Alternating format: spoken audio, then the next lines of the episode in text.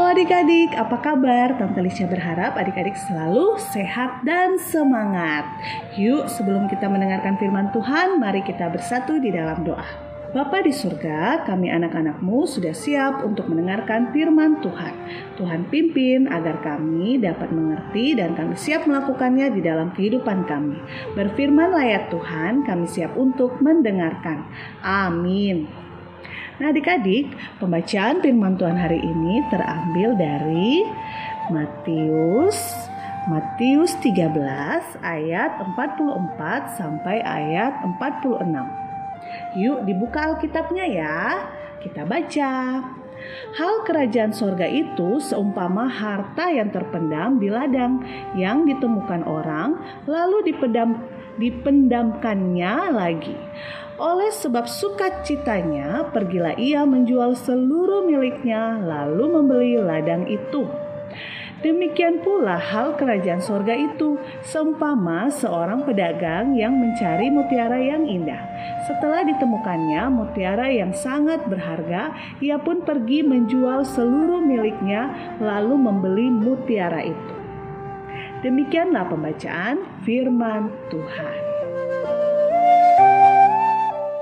Nah, adik-adik, tadi kita belajar tentang apa? Ayo ingat-ingat, ada kata yang selalu disebut. Iya betul, adalah kerajaan sorga. Apa ya itu kerajaan sorga? Ya di, Al, di Alkitab yang kita baca, eh, kerajaan sorga diumpamakan seperti sebuah harta terpendam. Wah, Bagaimana ya kalau kita menemukan harta terpendam? Pasti kita sangat sukacita.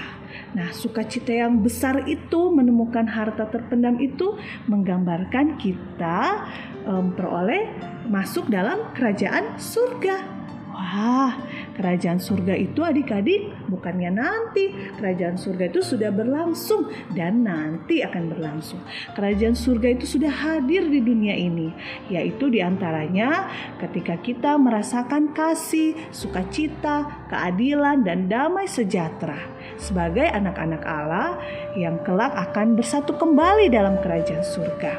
Di sana kita akan bertemu dengan Tuhan Yesus juru selamat kita. Nah, adik-adik, kan kerajaan surga itu bukan hanya bicara nanti ya adik-adik tapi sedang berlangsung. Bagaimana ya kita merasakan menghadirkan kerajaan surga? Ya dengan cara kita menjadi anak-anak yang taat yang sayang kepada papa mama kepada adik kakak dan juga selalu menjadi berkat di tengah-tengah kehidupan kita. Mau sayang teman menolong teman nah kita sudah menghadirkan kerajaan Allah di dunia ini yuk adik-adik kita semua katakan aku anggota kerajaan Allah. Sekali lagi ya, aku anggota kerajaan Allah. Mari kita bersatu di dalam doa. Bapa di surga, kami anak-anakmu sungguh bersyukur kami sudah mendengarkan firman Tuhan.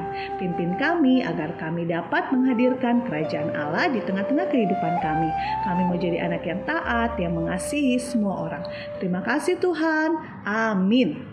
Nah adik-adik, sekian renungan kita hari ini. Tetap semangat ya, sampai berjumpa besok. Dadah!